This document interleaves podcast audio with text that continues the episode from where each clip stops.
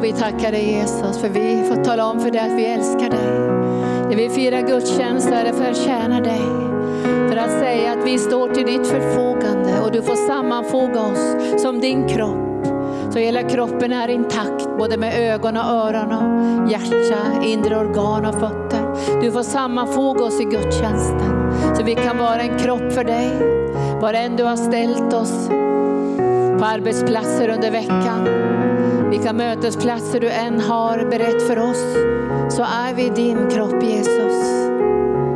Och vi ber att din härlighet ska fylla våra liv. Och vi ska bli mer och mer beroende av dig och beroende av din närvaro. Beroende av din försörjning, din styrka och din ledning. Och du har sagt här att du ska slipa järnet. Du ska slipa svärdet. Så det är både vast mot dig och vast mot världen. Vi ska kunna leva i renhet och helighet i den här yttersta tiden av mörker.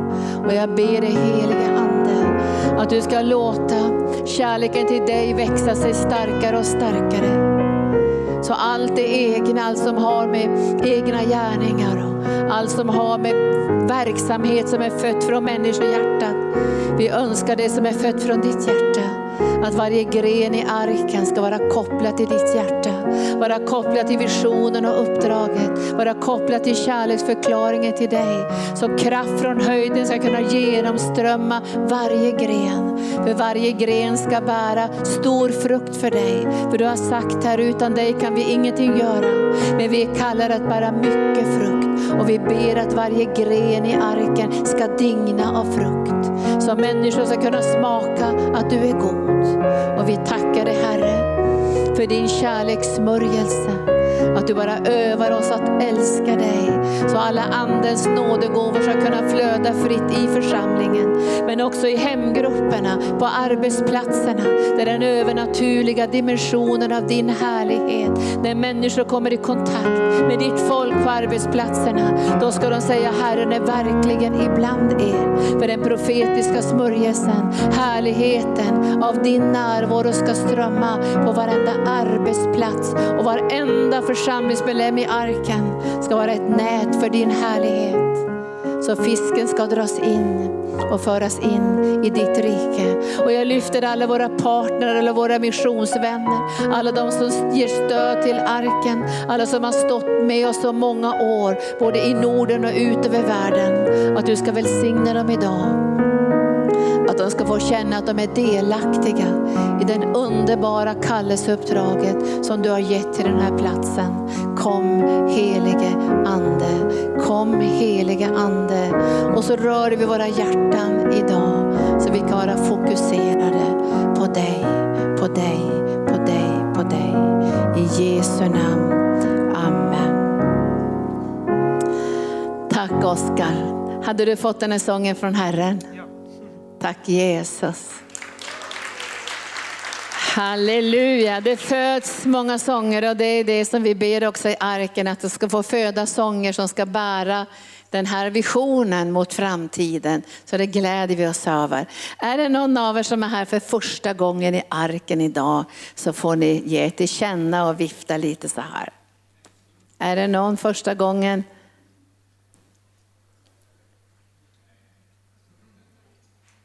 Ja. Får se, är det någon för första gången? Det kan kännas som första gången, men det är härligt när det gör det. Men jag tror Emanuel har varit här många gånger. Va? Men då ska ni känna er välkomna och du som nu ser mig via internet och tv ska också känna dig väldigt, väldigt välkommen. Och har du aldrig varit i kontakt med arken och inte liksom mött oss i gudstjänster och seminarier så är du välkommen och du kan se på arken.org vad som ligger i framtiden. Tack Jesus. Tack för kärleksgåvan. Tack för uppmuntran. Tack Anita för de fina orden. Och det var, du sa så här i början att, hur var det du uttryckte det, att hon lever än. Och vi, vi ska faktiskt leva ett långt liv. Det är fantastiskt att tänka så där att jag tycker, jag tycker att så här, äh, ja, att vi är ju anställda av Jesus, eller hur? Så jag ser ingen, ingen begränsning när det gäller ålder och sådana här saker, utan min arbetsgivare är Jesus. Och jag har, all, jag har alltid tänkt att pension är ett västerländskt begrepp. Men det är ändå ganska bra därför att om du har en bra jobb på din arbetsplats och så får du lämna det jobbet så vet jag att du har en längtan att tjäna Gud. Varenda en av er har ju på sin arbetsplats också en längtan att få vara i tjänst och vara ett nät och föra människor till tro. Och när du får en pension så kanske du tänker så här att nu äntligen kan jag få tjäna Gud på heltid. Så det ska vara din längtan i ditt hjärta att det bästa av det bästa av det bästa. Och när man läser gamla testamentet och nya testamentet så märker man ju att människor var ju över 80 år när de största kallelserna kom. Och jag har suttit och skrivit förord i en bok av Levi Petrus som handlade om bön. Och när jag skrev förordet så sa jag att de största sakerna som han fick vara med om i Sverige var efter pensionsåldern. Då startade KD. Då startades, eh, tror jag också, Dagen och LP-stiftelsen. Därför det var tid också då att kunna fokusera kanske på viktiga saker för framtiden. Och vi har väldigt många viktiga saker på gång för vår framtid, eller hur? Och det här är så spännande och så roligt att, att se att det inte finns någon begränsning när det gäller ålder, vilken färg vi har, vilken kultur vi har, var vi kommer ifrån. Utan Gud har lagt sin, sin rikedom i våra liv i form av pund. Och han har utrustat oss. Och han har lagt det viktigaste av det viktigaste i oss för att hans vilja ska bli gjord i den här världen. Och vi får alla vara med. Den som har fått fem pund är inte viktigare än den som har fått ett, ett pund, utan det handlar om funktioner och, och, hur Gud vill använda oss. Men det sätter inget värde på människor att den som har fått ett pund har lite värde, den som har fått fem pund har fått mera värde. Utan Guds sätter oss i kroppen som han vill.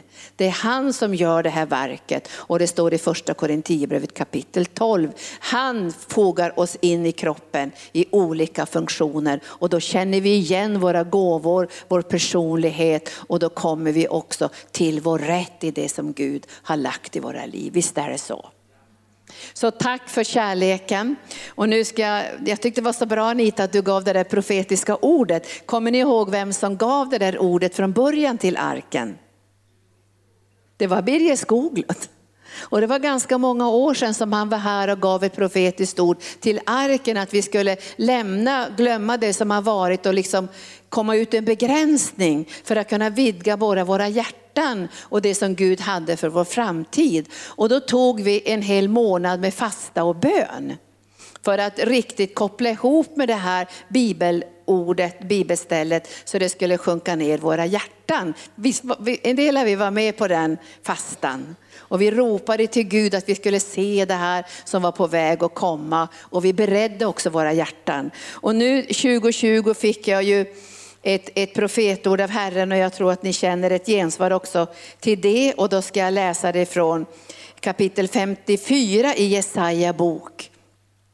Och jag tog det här bibelstället på nyårsdagen och vi har ännu inte kommit ut med den länken, men ni ska få möjlighet att lyssna till nyårsdagens ska säga, tal eller predikan som jag hade. Det, det, det är inte säkert att jag någonsin kommer att predika på det sättet som jag gjorde på nyårsdagen. Därför att det var skarpt och jag var tvungen att ta av mina skor för att predika på det sättet. Så jag fick predika utan skor. För Herren sa, platsen som du står på är helig. Så sa Herren. Och så sa han så här, glöm inte Linda, sa han, att i Israel på Sauls tid, kommer ni ihåg att Sauls förlorade sin smörjelse? Och så sa han så här, på Sauls tid så fanns det inga smeder i landet, utan Israels barn fick gå till filisteerna för att slipa sina svärd. Så står det. De fick gå till filisteerna för att slipa sina svärd. Och de flesta kristna, det är bara några kristna som jobbar ska säga, som tjänstegåvor, som är överlåtna att jobba varje dag i kristet arbete. De flesta är ute i världen, eller hur? Alltså alla dagar, kanske utom söndagen, som tillhör Herren, är de flesta kristna på sina arbetsplatser. Och det är väldigt svårt att vara ute i världen idag med ett oslipat svärd. För det står i predikaren 10 och 10 att om svärdet inte är slipat så får man använda för mycket mänsklig kraft. Och jag kände att kring nyår så kom en smörjelse, stark smörjelse och jag vet att om jag får ta med skorna, då är svärdet också rakt in i mitt eget hjärta. Och jag, ni kanske inte har lyssnat på det, men ni kommer att få lyssna på det. Och då vill jag inte att ni ska bli bedrövade. Och jag ska säga någonting om det också. Men i Jesaja så står det i Jesaja 53, profetorden i, eller 54 i versen 2. Jesaja 54 versen 2. Profetorden för 2020, kanske framåt också, det vet inte jag, det är förnyelse. Förnyelse. Och det finns ingen förnyelse som sker utan den heliga ande. Det finns ingen förnyelse som handlar om att du och jag läser någon bok om hur församlingen ska ledas eller tio punkter till expansion. Är det inte det? Utan förnyelse handlar om den helige ande. Om att ge utrymme för Jesus. För hans önskningar, hans vilja, hans hjärta. För andens nådegåvor så de får möjlighet att manifestera sig ibland oss. Det är förnyelse. Jag var ju med när Jesusfolket kom till Sverige. Och det blev en otrolig förnyelse i lovsången. Alltså folk var skakade därför man hade ganska fast sång och musik och musikkårer och körer och sådär. Och så kom Jesusfolket. Så kom det några ungdomar, tre, fyra stycken med, som hade kommit utifrån mörker och droger. De kom från Amerika och besökte våra kyrkor här i Sverige. Det var början på 70-talet och där kom jag också med. Tre, fyra ungdomar ungdomar med en gitarr ställde sig i de här kyrkorna. Många av dem var också barfota på sommaren.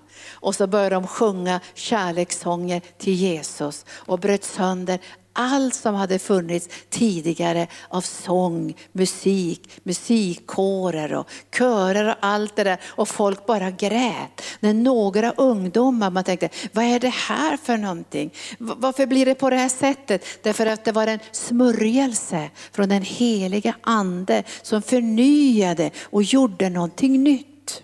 Och nu är vi inte nostalgiska så vi tänker nu ska vi göra på samma sätt som var 1970 utan nu lever vi 2020, men vi ska ha förnyelse. Förnyelse, den heliga ande ska komma. Och det kan inte bli någon förändring i mitt liv och i ditt liv och i vårt liv tillsammans om inte Gud får göra förnyelsen. Och, och, jag frågade ju dig, någon av er som sa, vad var det för ord, det var kanske du, vad var det för ord vi skulle säga, det var på nyårsdagen, att vi skulle kunna vara, vad var det vi sa?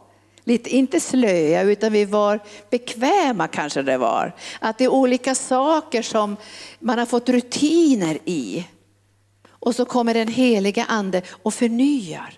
Och jag tänkte när jag och Violetta har haft de här webb-tv-programmen så har jag nästan känt mig som Gunnars pappa. Därför har det kommit en sån otroligt stark smörjelse i tv, i, i det här rummet. Det har kommit en sån otroligt stark smörjelse så att man har bara känt som ni vet Gunnars pappa fick förnyelsen och blev helad så kunde inte han säga Jesus utan att gråta. Han gick med ständigt röda ögon. Han kunde inte säga Jesus för då bröt han ihop i tårar. Och för att få ett skarpt svärd måste vi ha ett mjukt hjärta. Och vi har känt att den heliga ande har börjat komma på ett nytt sätt. Det är någonting som sker med våra hjärtan hjärtan. Och när det sker i våra hjärtan, då blir det inte svårt att göra förändringar. För vi är olika människor och olika livssituationer och vad Gud ska göra behöver göras på insidan för att det här ska kunna ske som jag läser nu i profetorden. Utvidga platsen för ditt tält. Utvidga platsen för ditt tält. Spänn ut tältdukarna där du bor och håll inte tillbaka.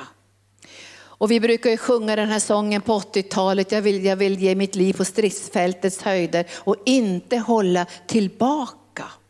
Vi älskade den sången, men jag tror inte vi förstod vad det menas egentligen i praktiken. Men vi ger våra liv på stridsfältets höjder, ger vi våra liv och vi håller ingenting tillbaka.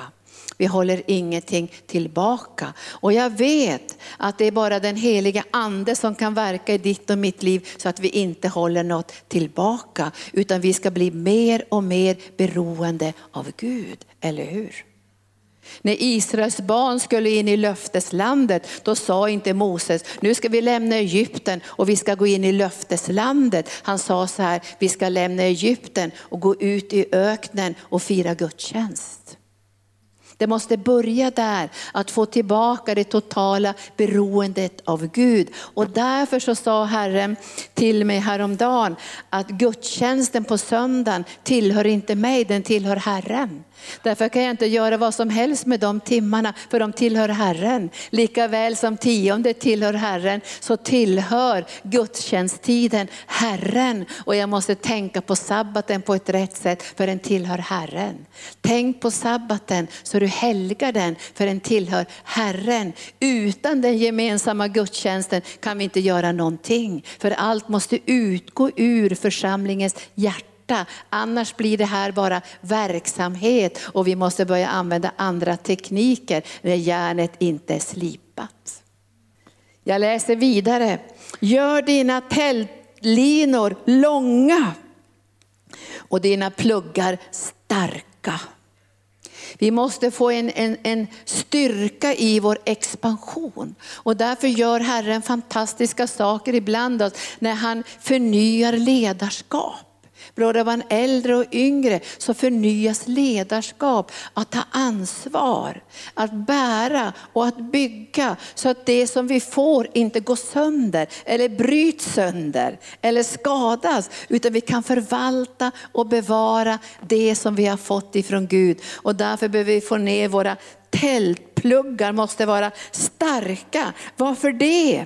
För du ska breda ut dig både till höger och vänster. Och dina avkomlingar ska få hedningarna som arv. Och när jag hade min 40-årsjubileum här i tjänsten, då talade Herren och sa om de andliga sönerna och döttrarna. Och när eh, vad heter han, Henry Hinn kom hit så sa han spiritual daughters and sons never leave their spiritual parents. Och det finns någonting i anden nu när Herren håller på att resa upp kommer att bli starkare i arken, många fler bibelelever, det kommer att bli ett, ett utflöde och det kommer att kunna bli nyplanteringar på olika platser ut över Norden och ut över världen som kommer att kopplas ihop med den vision som vi har på den här platsen. Som kommer att ge styrka för att uppdraget Jesus helar och upprätt ska kunna bäras till många länder. Till Filippinerna, till Kambodja, till Vietnam, till Afrika Afrika, till, till Indien, till, till Nepal, till Israel. Här kommer vi att få se hur de andliga sönerna och döttrarna, vi säger om 30 år, då är inte jag här om 30 år, men sönerna och döttrarna kommer att bära den andliga visionen till många länder där man förstår kopplingar i anden och styrka i anden att kunna utföra det som Herren har i sitt hjärta. Får jag ett amen på det? Tack Jesus. Vi ska breda ut oss till både höger och vänster och dina avkomlingar ska få hedningarna som arv och på nytt befolka ödelagda städer. Var inte rädd, för du ska inte behöva skämmas. Var inte blyg. Här kommer frimodighet och glädje i den heliga ande. För vi ska förnyas, vi ska förändras och vi ska expandera, halleluja. Vi ska utvidga oss i den heliga ande. Och det börjar ju i Jerusalem, det börjar ju Upplandsbro kommun, det börjar ju här i Kungsängen för att sen också kunna utvidgas till Storstockholm och vi har ju redan sträckt oss ut över många länder i världen. Men jag tror att det som Gud har gett oss här på arken har betydelse, inte bara för vi som är här utan för många folk ut över världen. Tack Jesus. Herren påminde mig häromdagen, för nu har det vilat ganska länge när det gäller inre bönen och det profetiska uppdraget som vi har fått till barnen, till skola och omsorg. Det har vilat några år därför att det har, det har, det har som stoppats upp i anden. Men nu kommer det tillbaka, känner ni det? Nu kommer det tillbaka. Nu börjar det hända någonting både på riksdag och regering och det börjar hända saker att nu börjar man planera för att mindfulness, buddhismen ska bli någonting obligatoriskt i skolan. Nu har man öppnat upp i vård och omsorg och det blir bara självklara saker det här. För några år sedan så skickade vi faktiskt en motion till KDs riksting där vi skrev så här, vi måste få en andlig varudeklaration så att människor ska veta var de här teknikerna kommer ifrån, vad de har för rötter. Vi måste få en varudeklaration så människor i vård och omsorg ska kunna välja någonting utifrån att de har fått information på ett riktigt sätt vad det här har för andliga dimensioner och hur man praktiserar det här i ursprungsreligionerna.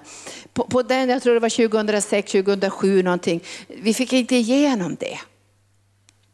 Och sen har vi jobbat med Skolinspektionen och förklarat för dem de här andliga rötterna och vi har jobbat ganska mycket med det för att förklara det här på ett naturligt sätt. Men jag vet att det går inte att nå de här målen bara på naturliga sätt. Vi behöver en heliga ande, Guds kraft för att bryta igenom. Och det är därför som vi 2020 kommer att intensifiera bönen. Vi kommer att göra det, men då är det viktigt att vi har ordning här. Herren talade till mig och sa så här, jag har ju hållit på några år nu, får säga. Jag har varit med i många olika sådana här grupper och för mig är det väldigt viktigt att vi inte leker med de här sakerna.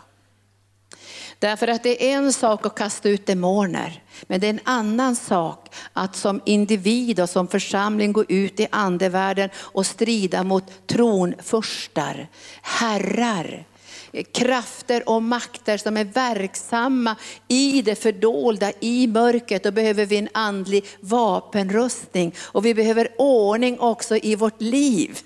Så att vi inte hamnar i Skevas söner. Utan det finns ordning och därför tror jag nu när vi börjar ta stegen och utöka bönen. Det finns ju en längtan också efter bönen nätter. Och vi ska kriga och vi ska bedja och vi ska bereda mark. Därför att om vi ska utvidga oss så kan vi inte ta mark, vi måste utvidga oss för att vi måste röja marken.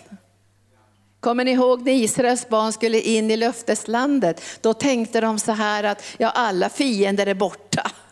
Men när de spejade så såg de att här fanns det jättar, befästa städer.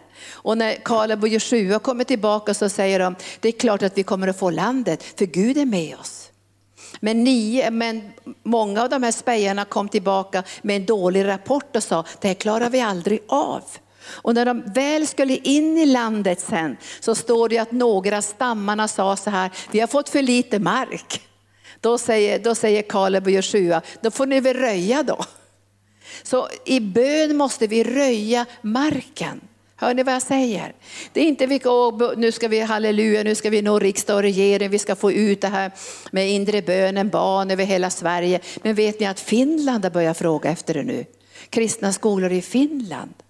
Så nu börjar det öppna sig i Finland. De vill ha inre bönen barn. Och nu håller vi på att översätta det här till engelska för att kunna ge verktyg till, till människor som talar engelska i olika länder. Men det här blir ingenting om inte vi förstår hur vi röjer marken i anden. Och därför känns det nu att vi kommer ha mera bön. Och efter mötena nu på söndagarna ber vi både för Israel och vi ber för Finland och vi ber för evangelisationen. Men den viktigaste bönen där vi måste utgå ifrån det är måndagsbönen. För då ber vi för hela arken. Då ber vi för hela arken. För om stammen inte är stark, då blir grenen för Finland svag. Då blir grenen för evangelisationen svag.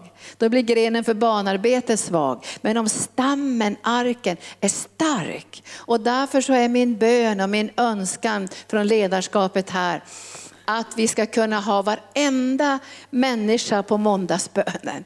Och inte om man jobbar eller det är andra saker, det förstår ni. Men att man prioriterar det och tänker, jag ska göra mitt yttersta för att kunna vara med på måndagsbönen så att stammen ska bli stark. Ser ni det? Stark. Och då kan varenda gren bli som en, nästan som en stam.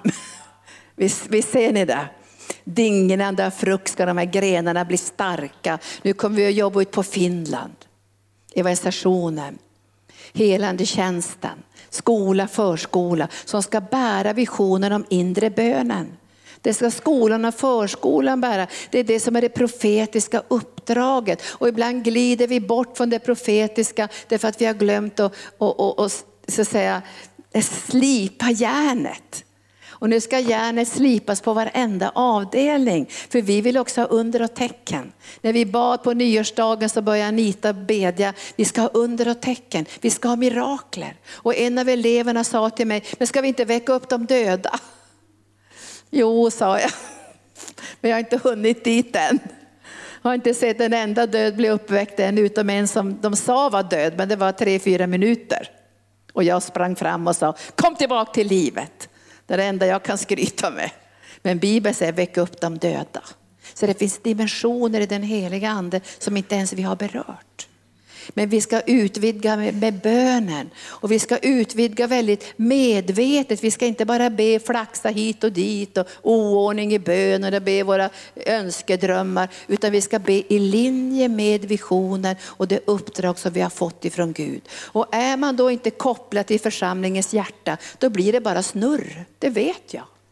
Då hittar man på någonting, man har hört någonting hemma, man har kanske sett något på internet och man har liksom lite egna tankar. Men om vi kopplar ihop ordentligt i våra gudstjänster och att vi är trogna av så mycket som det bara går i den här måndagsbönen, då kommer vi att höra från himlen. Visst är det så?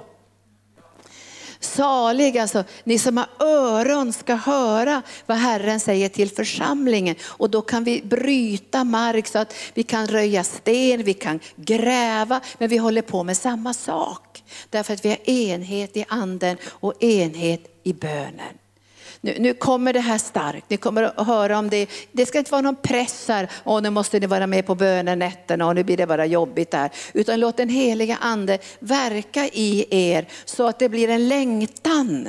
För Gud utgjuter bönen och nådens ande. Bönens ande är inte en böneledare som pressar, utan det är den heliga ande som manar i våra hjärtan att ska vi kunna utvidga den här platsen så måste vi bedja. Nu säger jag måste, det är bara så. Vi måste gå vår sträcka i bön. Men man kan ju be hemma också, man kan ju be på olika sätt. Men jag tror att den gemensamma bönen, den stärker sen de här individuella bönerna och de här nischade bönerna. Så bönen för Israel, den hör ihop med församlingen.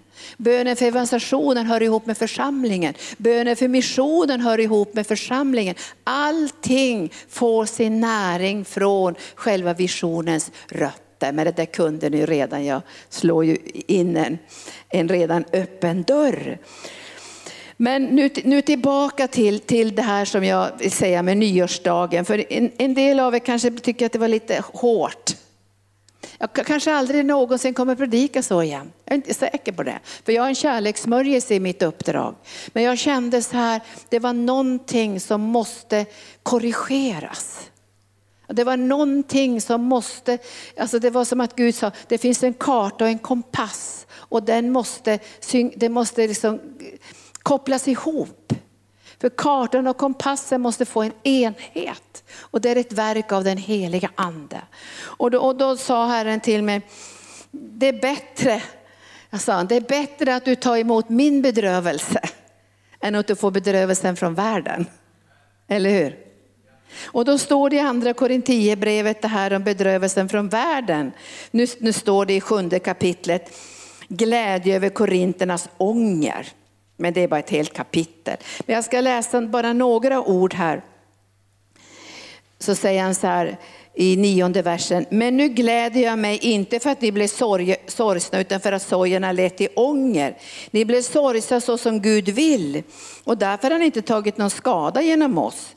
En sorg efter Guds vilja ger en ånger som man inte ångrar och som leder till frälsning. Men världens sorg leder till död. Se vad den här sorgen från Gud har fört med sig hos er. Vilken hängivenhet, vilka förklaringar, vilken upprördhet, vilken fruktan, vilken längtan, vilken iver och vilken bestraffning. I allt har ni visat er oskyldiga i den här saken. Alltså det blir en längtan i våra hjärtan. När vi hörde nu i den här sången, det var profetiskt det Oskar, det här, vi vill inte bedröva dig Jesus. Alltså vi vill, vi vill inte det. Och den här församlingen har ett känsligt hjärta, eller hur? Den här församlingen har en kallelse att bereda en plats för Guds härlighet. I den här församlingen finns det känsliga människor som älskar Gud, som hatar synderna, som har lagt livet på altarplatsen. Och jag kände när jag predikade på nyårsdagen att det blev skarpt. Och jag har nästan aldrig känt att jag har behövt göra det. Men Herren sa att det måste till en liten, liten korrigering som har ihop med gudstjänstlivet och med bönen. För annars kommer ni att komma ur kurs. Vi, vi förstår inte vad som är det viktigaste, vad som är nummer ett och nummer två. Därför Jesus säger ju till Maria, till Marta, Marta du måste förstå en sak. Många saker är viktiga, men det är bara en sak som är nödvändig. Och den här lilla korrigeringen som Gud gav, det var vi måste prioritera söndagsgudstjänsterna. För prioriterar vi inte hjärtat där livet utgår så kommer vi inte ha någon framtid om 40-50 år. Därför vi ska ha en framtid. Och sönerna och döttrarna ska bära Herrens härlighet till många, många länder ut över världen. Och ni ska stå i historieböckerna. Tack Jesus. Därför vi gör en liten, liten korrigering. Och vi har pratat också om att vi måste se var är fåren någonstans. Är det någon som är sjuk, ja, men då försöker vi lägga ut madrasser eller eller vilstolar. Är det någon som behöver skjuts så kanske vi måste hjälpa till med det. Alltså vi behöver se så att vi får nu kan jag inte säga att alla kan komma på söndag, men vi ska prioritera för från hjärtat utgår själva livet. Och, och den här tiden tillhör inte mig, den tillhör Herren.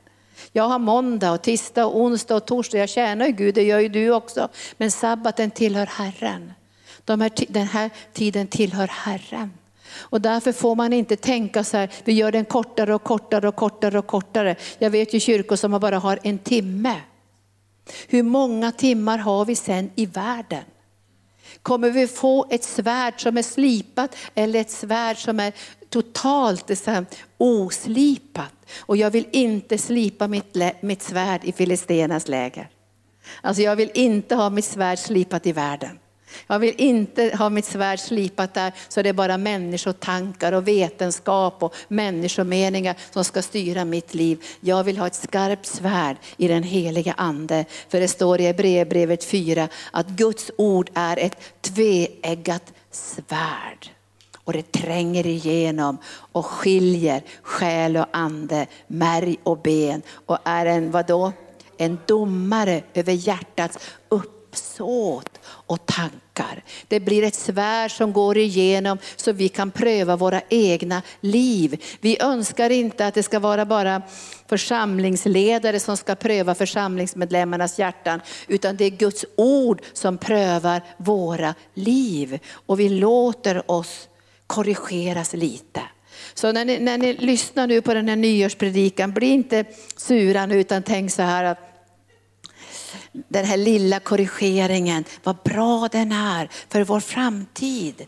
För det som vi ska göra här tillsammans, vi ska få excellens. Här ska det bli excellens, här ska det vara ordning och reda, inte en sån här människoordning och reda, utan ordning i den helige ande. Så vi kan göra det här som Gud vill med ordning, med enhet och med värdighet och med excellens.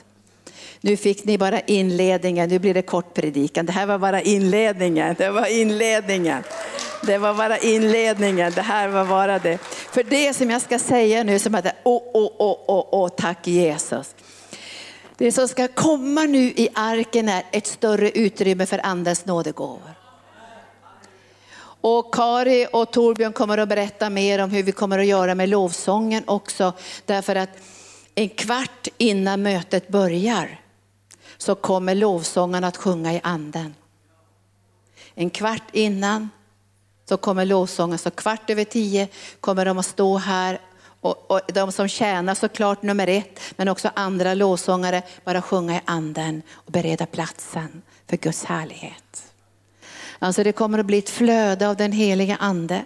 Och det står så här i Bibeln att, att om alla profeterar och alla ska kunna profetera här inne. Alla kanske inte profeterar högt så att det hörs, men alla ska profetera i sina hjärtan. Det ska bli en högre nivå av Guds härlighet och Guds närvaro. Så att när människor kommer hit så kommer de att känna Gud är verkligen ibland er. Första Korinthierbrevet kapitel 14. Så vi, vi, vi, vi, vi, tar och, vi söker Herren nu. Hur kan vi korrigera lite, lite grann för att kunna ge större utrymme för Jesus och för andens nåde gåvor. Och då behövs det en förberedelse för anden är villig men köttet är svagt. Och då ska jag ta bara några bibelverser för jag önskar att ni ska läsa i, i första Korinthierbrevet 12, 13 och 14. 12, 13 och 14 som handlar om andens nådegåvor. Andens nådegåvor. Och vi kommer att få ett större flöde nu i tiderna som kommer i arken med andens nådegåvor. Och Paulus han, han, han, han är så otroligt ivrig när det gäller andens nådegåvor. Och det som är utmärkande när Paulus talar om andens nådegåvor så säger han, sök andens nådegåvor och sök särskilt de gåvorna som bygger upp församlingen. Och nu läser jag ifrån kapitel 14 och versen 12 så är det också med er eftersom ni är ivriga att få andens gåvor, eftersom ni är ivriga. Och nu ska vi lösa ut en iver, eller hur? Alltså vi ska vara ivriga. Jag tycker, jag tycker vuxna har tappat ivern.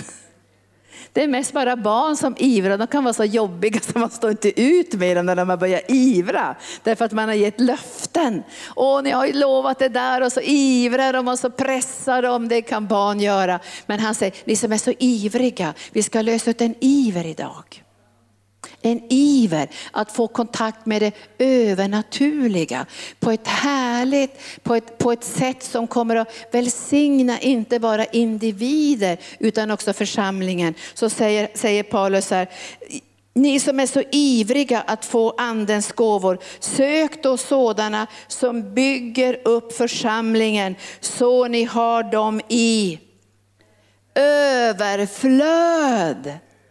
Varför vill han ha det här i överflöd? Därför att han vill proklamera att den här församlingen och alla församlingar är födda på pingstdagen övernaturligt. Den levande församlingen är övernaturlig och måste få tillbaka den övernaturliga dimensionen. Och då handlar det inte bara om tre eller fyra proffs, proffsprofeter, utan det handlar om hela församlingen som bär en längtan efter att vara med och bygga församlingen. Inte bara med det mänskliga materialet, men med den heliga andes kraft och härlighet. Och gång på gång gång så säger Paulus, sök de gåvorna som bygger upp församlingen. Sök de gåvorna så att församlingen blir rustad, så församlingen blir uppbyggd, så församlingen får tröst och uppmuntran.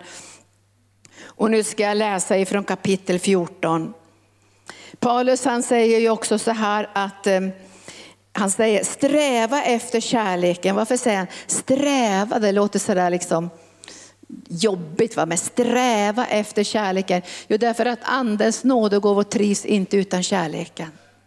Det blir missbruk, då blir det kontroll, då, blir det, då, då är det många pastorer som säger vi vill inte ha det här i församlingen. Därför det splittrar församlingen, det bara kör egna grejer, det manipulerar, det, det är bara människomeningar som kommer. Det ska vi inte ha i arken. Utan vi ska sträva efter kärleken.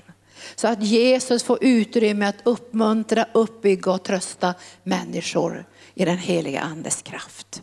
Och då säger han så här, sträva efter kärleken men var också ivriga att få de andliga gåvorna. Var ivriga, framför allt profetians gåva. Framför allt profetians gåva. Och Du kan ju fråga Jesus varför han säger så egentligen. Men jag tror att människor behöver höra att Gud lever. Alltså de behöver höra att Gud lever och att han har en röst och att han längtar efter att tala. Han längtar efter att förmedla in sitt hjärta, inte bara in i församlingen utan i enskilda människors liv, men också på arbetsplatserna. På, på gatorna, i mötet med människor, så behöver de del i den här övernaturliga dimensionen i den heliga ande. Och därför behövs profetians gåva. Och Paulus vet att söner och döttrar och tjänare och tjänarinnor ska profetera. Alla ska profetera. Och alla ska kunna profetera. Därför att det är skillnad på att profetera och vara profet. Men alla ska kunna profetera. Och det är jätteviktigt att ni nu idag börjar ivra efter profetians gåva. För då kommer vi få enhet i församlingen. Därför då kommer vi att säga samma sak, vi kommer att bedja ut på samma nivå, på samma sätt, därför vi har profetians gåva. Vi kan höra Guds röst, vi kan vara ledda av Guds ande, vi kan sätta ord på det som Gud har i sitt hjärta i den här yttersta tiden. Och därför ska vi ivra efter profetians gåva. Och vi ska ha den i vårt hjärta. En av eleverna sa, vi har ju undervisat en hel vecka om andens nådegåvor och så sa en av eleverna så här att han hade varit på ett stort möte och plötsligt kände han att hjärtat höll på att hoppa ut i kroppen. För han kände så här att jag måste profetera, jag måste profetera, jag måste profetera. Men han fick inte profetera, det var någon annan som skulle profetera. Och då tänkte jag, det har jag upplevt massor med gånger i olika situationer. Jag kommer ihåg när jag jobbade för Billy Graham för många år sedan i Göteborg. Och då var vi på ledarmöte med kanske hundra stycken ledare. Och plötsligt kände jag precis det där, mitt hjärta på att hoppa ut ur kroppen. Jag ville hoppa upp i det där mötet och skrika bara, så säger Herren. Men Gud sa, nej sa han, var stilla nu Linda, för alla känner som du samtidigt. Alla kan på denna plats nu resa sig upp och säga så säger Herren, för jag har lagt en profetisk smörjelse i var och en. Och skulle jag välja dig eller skulle jag välja någon annan så kommer det låta likadant för alla har fått en profetisk smörjelse för att styrkan av det profetiska ska kunna flöda ut i den här kampanjen.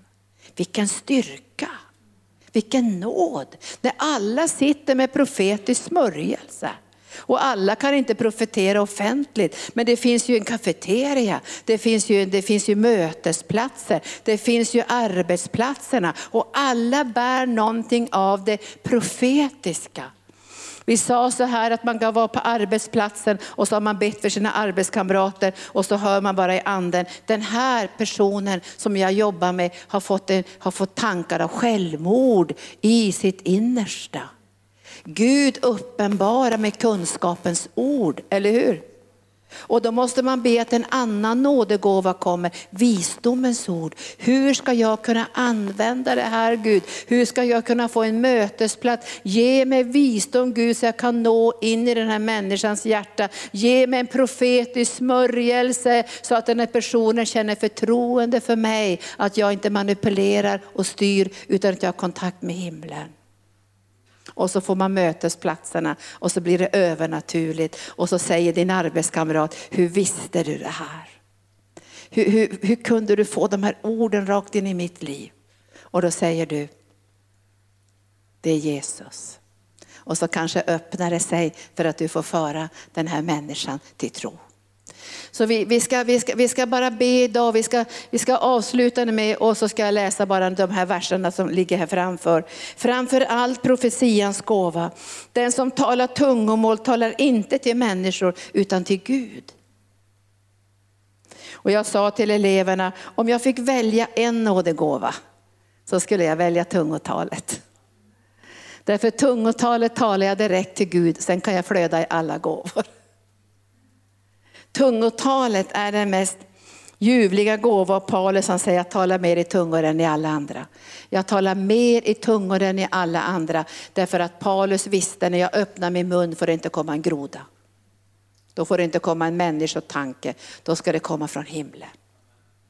Men så säger han så här, han har sån kärlek till församlingen. Den som talar tungom och talar inte till människor utan till Gud, för ingen förstår honom. Han talar hemligheter i sin ande. Men den som profeterar talar till människor och ger dem, vad då för någonting? Uppbyggelse uppmuntran och tröst. Och den som talar tungomålen bygger upp sig själv, men den som profeterar bygger upp församlingen. Och därför är det viktigt när jag profeterar, Anita profeterar, när du profeterar till en individ så måste du hela tiden tänka, profetian som kommer nu till den här individen bygger församlingen.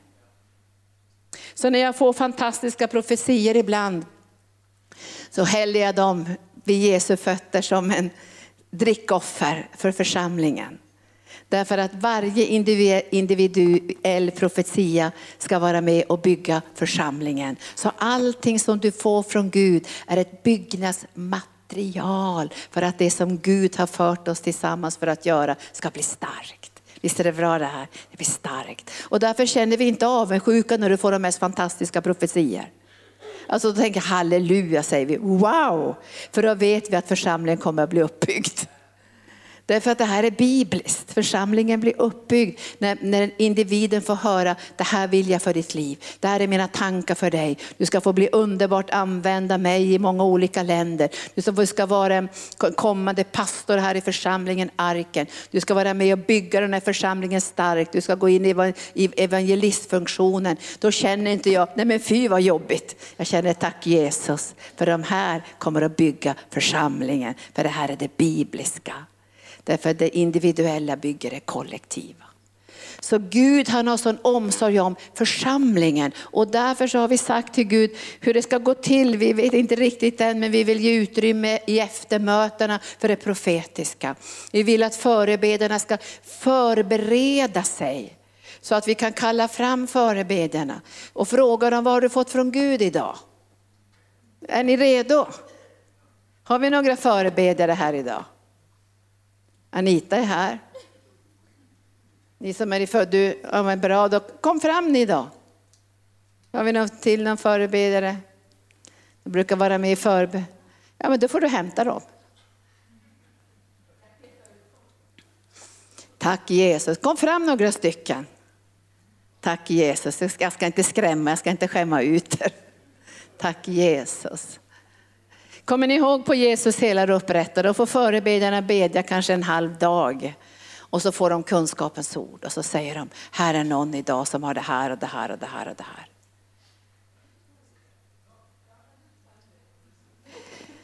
Vet ni att det här som vi har haft i Jesus hela upprättelse ska in i församlingens söndagsmöten. Visst vill ni det? Tack Jesus. Så att um, vi är beredda, vi är beredda att flöda i den heliga ande. Tack Jesus. Det här. Ja, men vi tar till nästa söndag.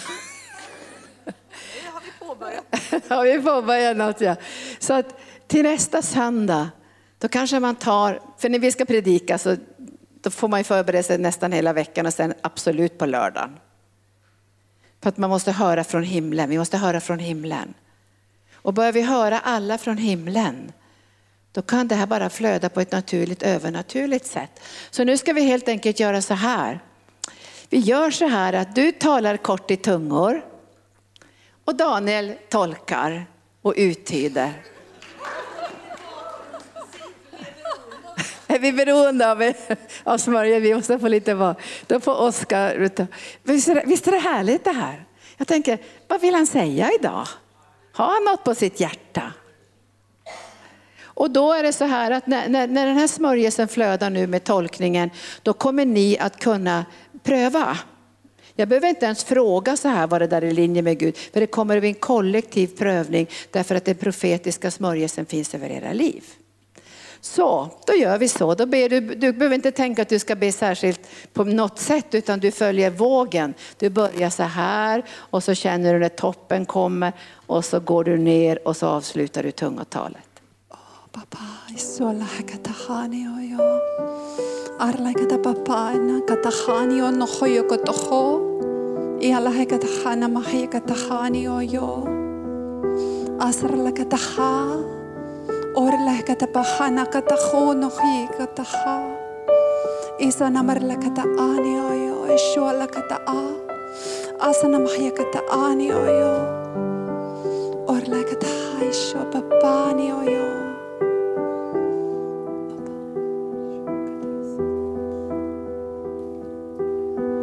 Öppna era hjärtan för det jag kommer med är trygghet. Jag ska göra det här till trygghetens boning.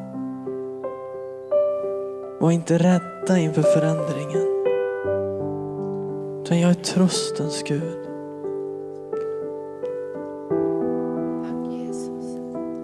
Ser du en bild? Ja, omsorg från Gud, total omsorg. Eh, Att eh, vi är inte ett kollektiv, vi är personer. Eh, Vi är ett kollektiv, men när Gud pratar så pratar han med dig. Vänd dig inte om för att se. Nu var inte riktigt med eh, Det är dig han pratar med, ta åt dig det han säger. Det är precis det han sa, han menade dig och det var till dig han sa det. Ta emot det. Han visste, han visste att det var dig han pratade med. Och du har bett och nu får du bönesvar. Ta emot det han sa nu, för det, det gäller det. Det här är på riktigt. Ser du någon bild från Bibeln utifrån profetiska ordet från Daniel? Från Daniel? Jag ser den här bilden hur, hur vi älskar varandra. Och att eh, när vi kommer samman och älskar varandra så kommer de förlorade. Så jag ser hur, hur de förlorade kommer till församlingen. Då. Se? Se hur de älskar varandra. Ja, ja just det. Mm. Och vi prisar dig, tack Jesus. Herren talar om trygghet, att inte vara rädda. För när det profetiska flödar och kunskapens ord så är det omsorg om människor. Och vi kan gå ut i det här vattnet mer och mer. Jag ser i anden att fotknölarna, Herren säger, då är det grumligt, men vi måste djupare till knäna när vi gör en överlåtelse. Men sen till höfterna och sen ut i det här totala beroendet av den heliga ande. Ska du tala i tungor?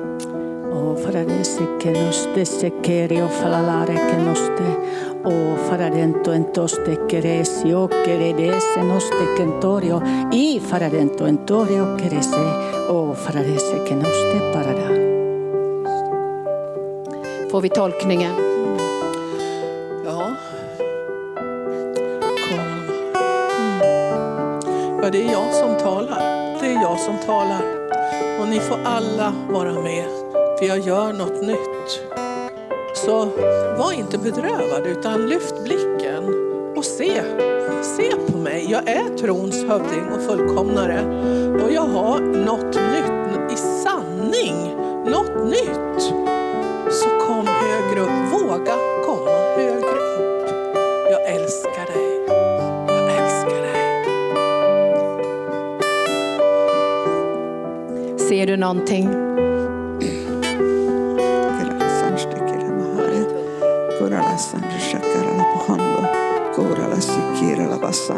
salabara kendre shabara la keide. Lushta habrusti kibru asha keia. Ovse kibre ende ke la sharia. Sembrun turia ke de strekia. Sembrun doria la keiria la bara santo. Shabara la kibru se ke estrekia ke lavando. Kembrandeia la larshara la sanshikira la bahanda. Surava andvo estri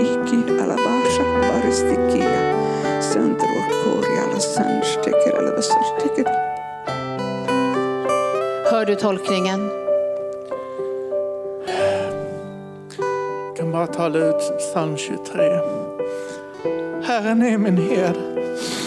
Mig, mig ska inget fattas. Han för mig till gröna, ut på gröna ängar. Han för mig till vatten där jag finner ro. Han gör det för sitt namns skull. Skulle en vandra i dödsskuggans dal så hans käpp och stav där tröstar mig. Han dukar ett bord inför mina fienders åsyn.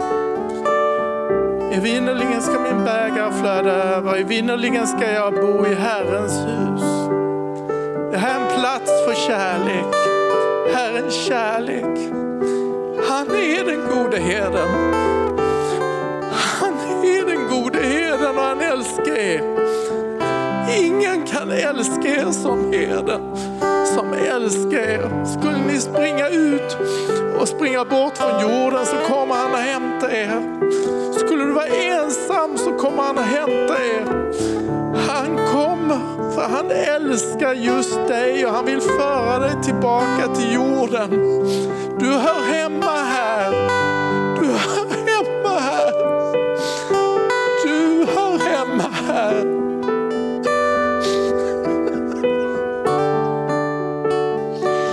lyfter vi dem som har kanske blivit vilsekomna eller har någon smärta i sitt innersta som har kommit utanför jorden och kanske fastnat i något hörnsnår.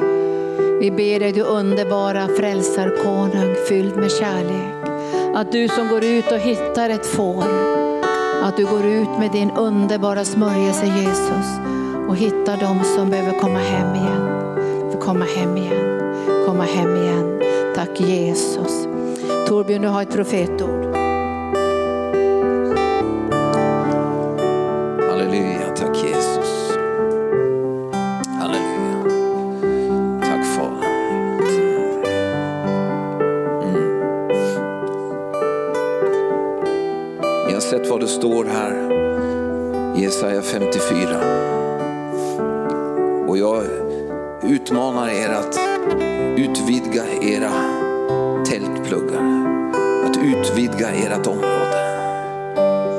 Som ni ser så är det, det står att det är ni som ska göra det. När ni tar stegen och sträcker ut era tältpluggar och förlänger de här tältlinorna, när ni gör större utrymmen, när ni tar steg som ni kanske aldrig har gjort tidigare, så kommer jag till att komma och fylla upp det, det nya området som du sträcker ut. Det kommer jag till att fylla. Jag kommer, till att, jag kommer inte till att lämna er, till att låta er stå där med skam. Jag kommer till att komma och göra så att den här nya platsen som du utbreder, den kommer till att fyllas med människor. Kommer fyllas med min härlighet. Och jag säger till er att jag vill att ni ska gensvara till vad jag har gjort för er. För i Jesaja 53 så står det allt vad jag har gjort. Och, och Jesaja 54 är bara, ni ska jubla och så ska ni sträcka ut era, era områden bara på grund av allt det som jag har gjort, i tro på det som jag har gjort. Så var frimodiga, var frimodiga och ta de här stegen. Gör, de här, det, gör det som du har känt i ditt hjärta länge att du ska göra.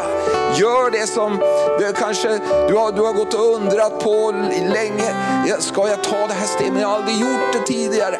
Jo, men det, det, du kommer till att uppleva att när du tar det steget så kommer jag till att komma med min härlighet och bekräfta det att, det, att det är någonting som, som, som jag har lagt i ditt hjärta. Tack Jesus. Tack Jesus. Tack Jesus. Och jag ser nu den här unga mannen i Bibeln, Paulus andliga son Timoteus. Hans låga hade slocknat, det var på väg att slockna när det gäller nådegåvan och Paulus säger, ja, du måste låta det flamma upp igen, den nådegåva som finns i dig genom handpåläggningen. Du måste vårda den här nådegåvan som finns i dig. Och han säger till Timoteus, du har inte fått modlöshetens ande, du har fått kraftens och kärlekens och återhållsamhetens ande. Vi tar ansvar för det karismatiska. Vi kommer att ta ansvar i ledarskap för det karismatiska. Att det inte ska missbrukas på något sätt, utan den här platsen ska vara trygg för människor. Du har sagt idag att det ska vara en trygghet i anden när man kommer hit. Man ska inte vara rädd för den övernaturliga dimensionen. Man ska inte vara rädd för profetia, för det är Guds kärlek som flödar. Det är hans närvaro som uppenbarar sig och vi får en mötesplats med den levande guden. Och därför ber vi det heliga ande, låt alla nådegåvor nu flamma upp på nytt. I sundhet och härlighet, i renhet. I åh, jag prisar dig Jesus. Tack för det du gör idag.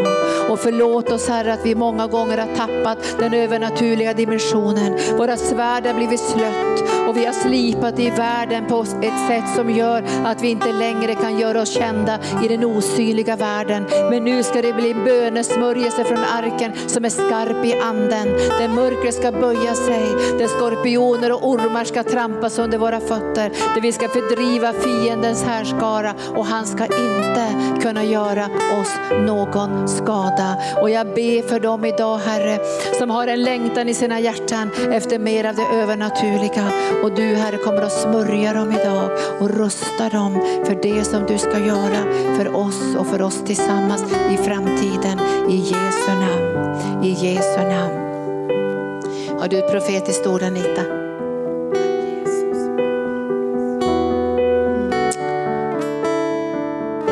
Det, mitt profetiska ord hänger samman med bön.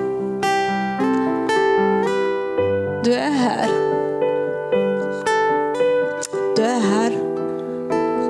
Du hör allt det här underbara.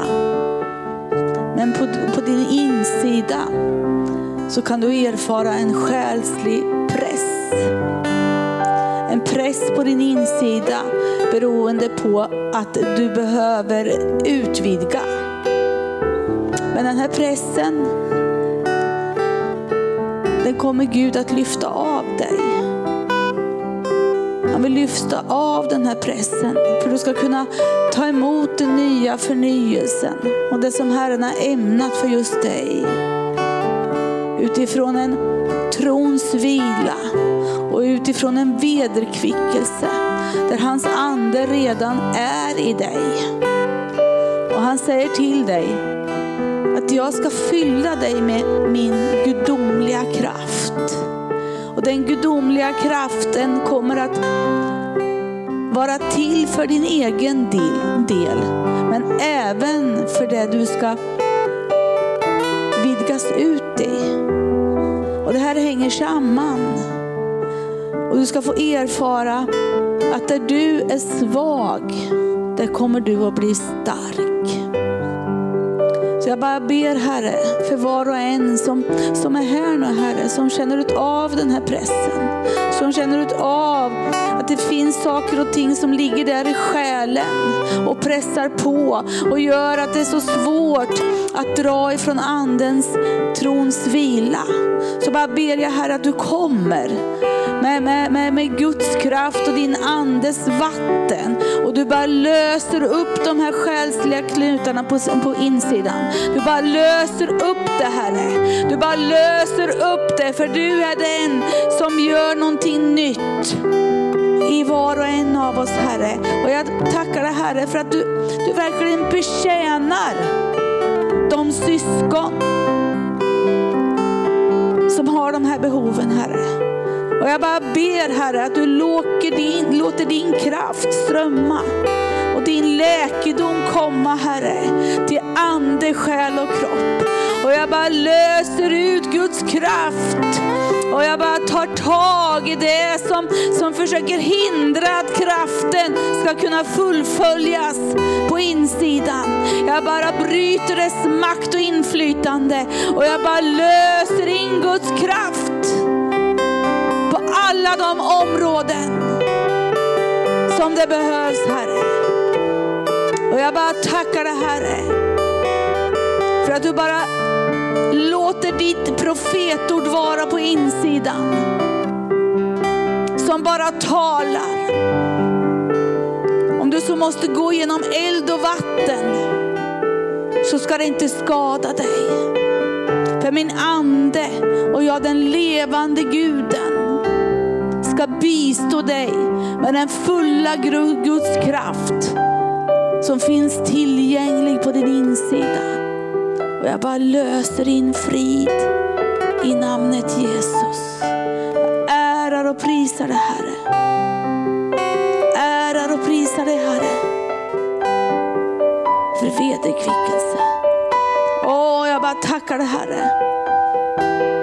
För att du bara kommer och bara vidrör varje del och varje lem som känner av pressen i kroppen, Herre. Och jag bara löser in Guds kraft I namnet Jesus. I namnet Jesus. Ora lo boshondo, abrakeia, oro bokoro lo boshondo lo bohondo, ora bakendara la mahaya jag bara prisar och tackar dig Jesus.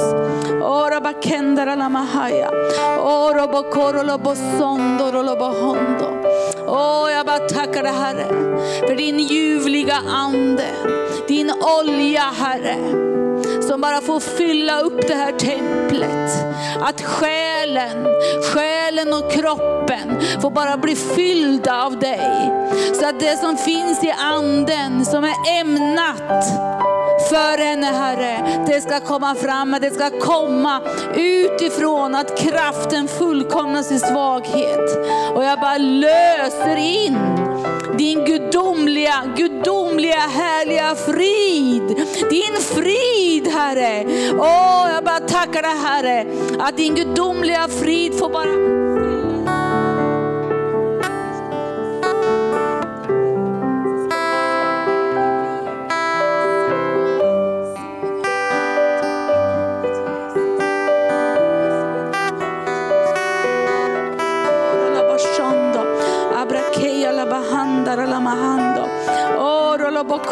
Sondo. Åh kom helige Ande, kom helige Ande, bara kom med din Guds kraft och bara fyll henne Herre. Bara fyll henne Herre. Och jag bara lyfter av de tunga bördorna. De tunga bördorna som finns på hennes axlar Herre. Jag bara lyfter av dem Herre. Och jag bara löser ut din kraft. Din kraft Herre i namnet Jesus. Och förtröstan och tillit på Herrens nåd och godhet. Och Herren säger till dig dina böner har gått upp till den himmelske Faderns hjärta. Han är en bönhörande Gud i Jesu namn. Han är en bönhörande Gud